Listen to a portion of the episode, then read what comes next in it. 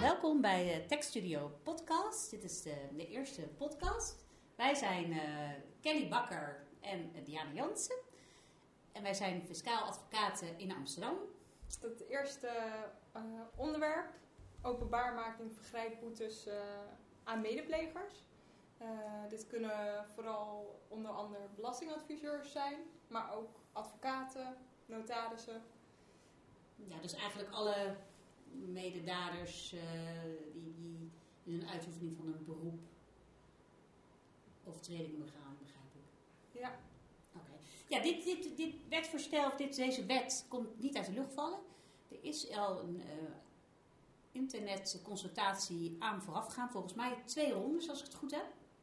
En daar konden dus uh, nou, de beroepsgroep zelf, voornamelijk brancheorganisaties zoals de Nederlandse Orde van Belastingadviseurs en Register Belastingadviseurs, konden reageren op dit voorstel, dit voornemen eigenlijk. Dat is ook gebeurd.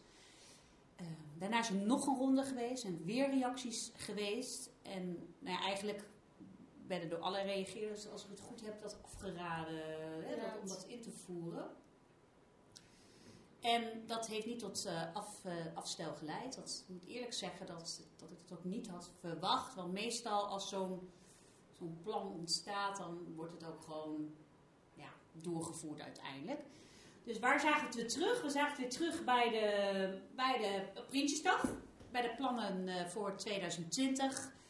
En dan niet in het belastingplan zelf, maar in de overige fiscale maatregelen 2020.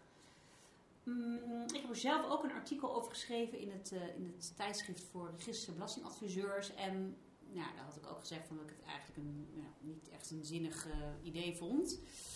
Maar um, ja, er heeft toch een aanpassing plaatsgevonden op een paar punten. Niet per, per se naar het uh, artikel van mezelf, maar ik denk naar, naar alle commentaren die daarop zijn gekomen.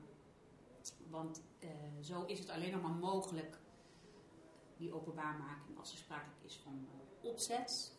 Dus grove schuld kan niet meer. Dus dat is, nou ja, het idee is dan dat het moet wel echt heel fout zijn.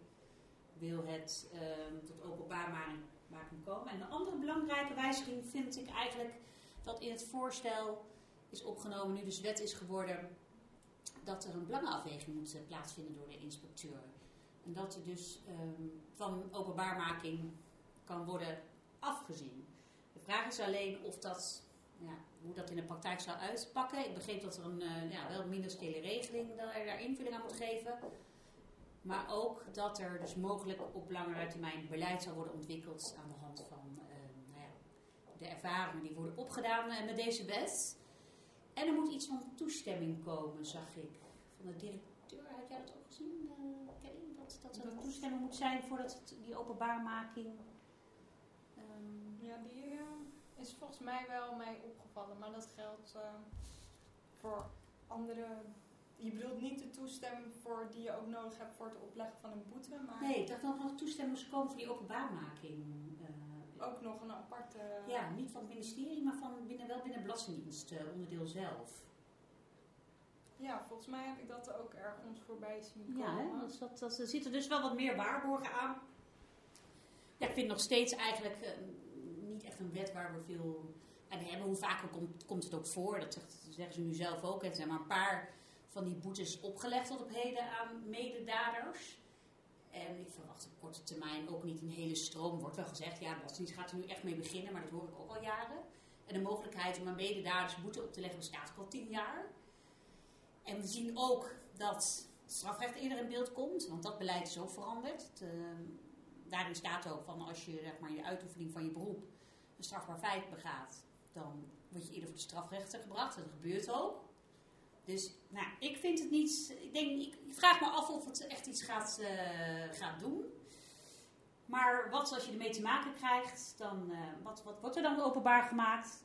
Nou, de naam van de overtreder in ieder geval. En, en welke overtreding die heeft begaan. En ik begreep ook dat er iets meer nou ja, moet worden gezegd over wat, uh, wat daar precies aan de hand was. Hè? Want het idee achter dit, dit hele gebeuren is dat ja, de, de, de burger wordt geïnformeerd. Dat hij uh, geïnformeerd wordt over nou ja, wie is die belastingadviseur en transparantie. Dat zou het idee achter zijn.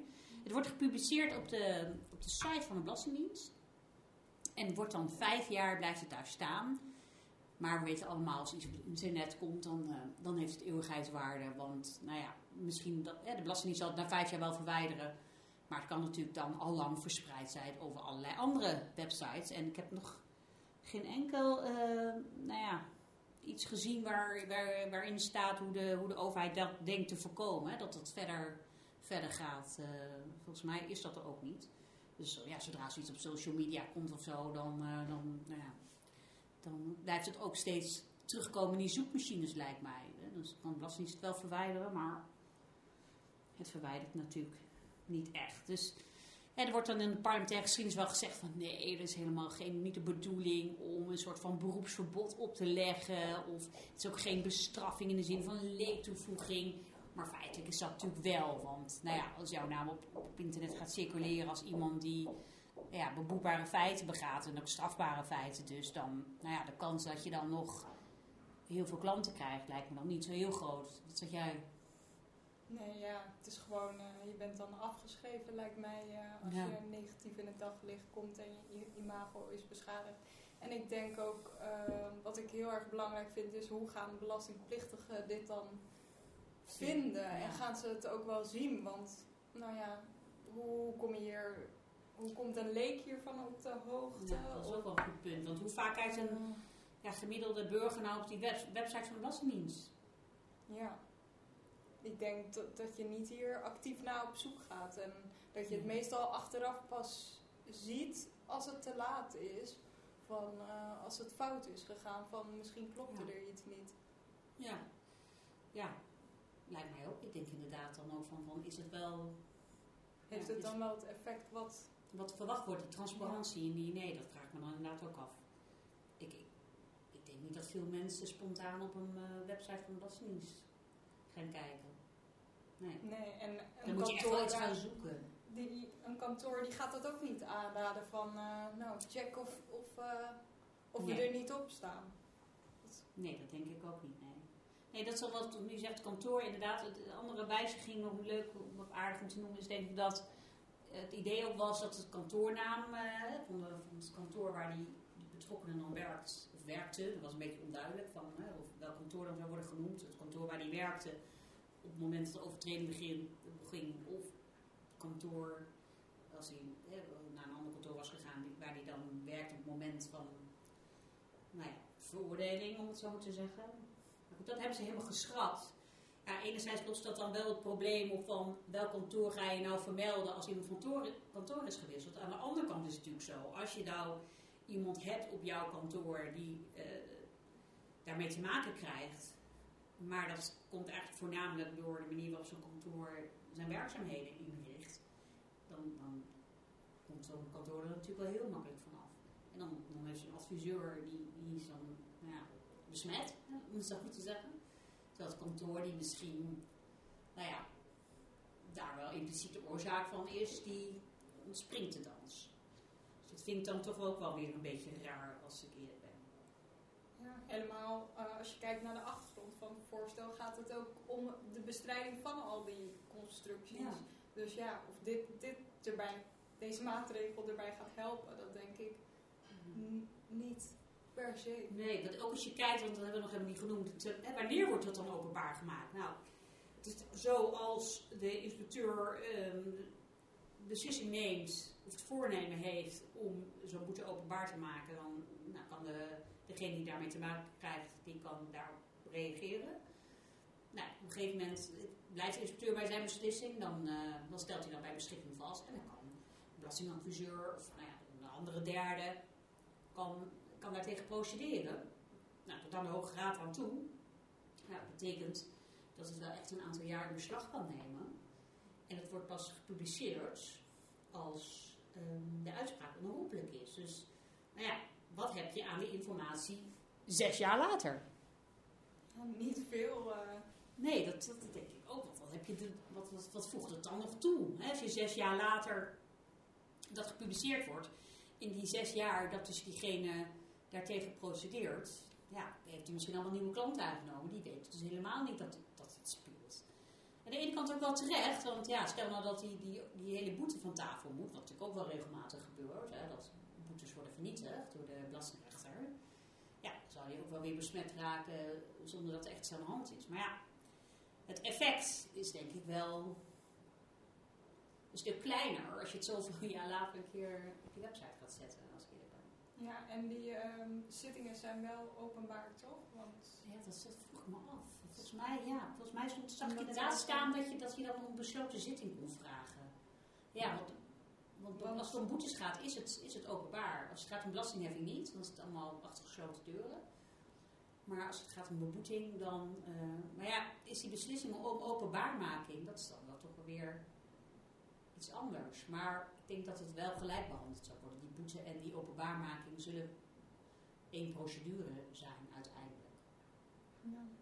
Anders duurt het nog langer. Als je eerst gaat procederen over de boete en dan vervolgens gaat procederen over die openbaarmaking. Nou ja, goed, dan, dan, dan kun je misschien wel tot je pensioen volhouden om dat van die website eh, van de Belastingdienst te houden. Ja. Want dan gaat het sowieso snel dubbele tijd kosten.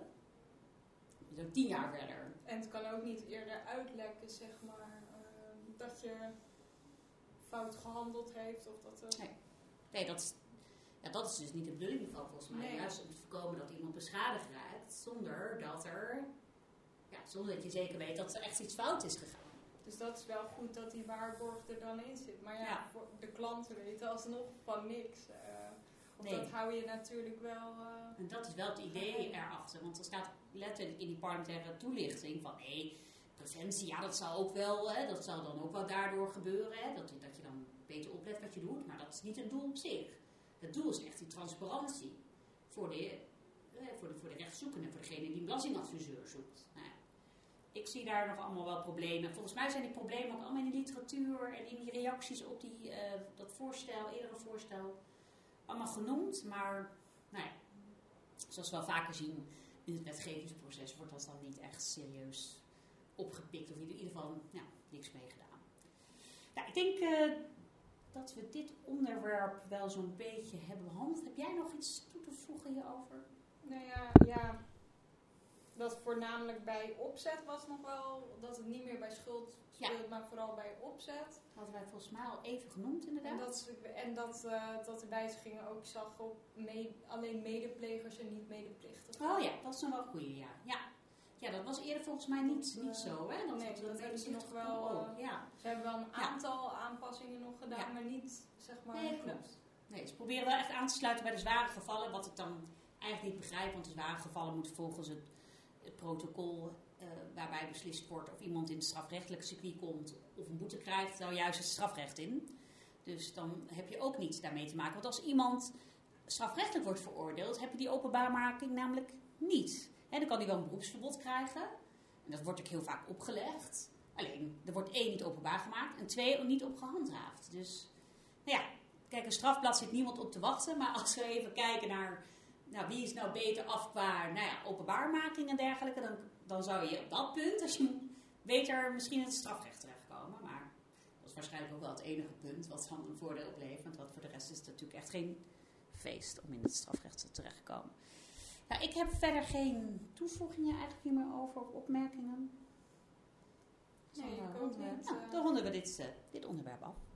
Bedankt voor het luisteren naar deze ja, allereerste podcast eh, van de Tekststudio.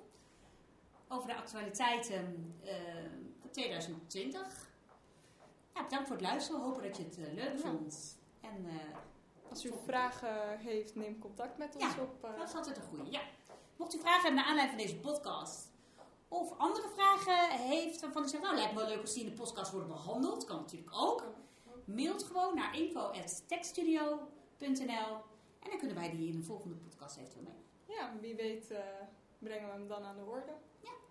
Bedankt en tot ziens. Tot ziens.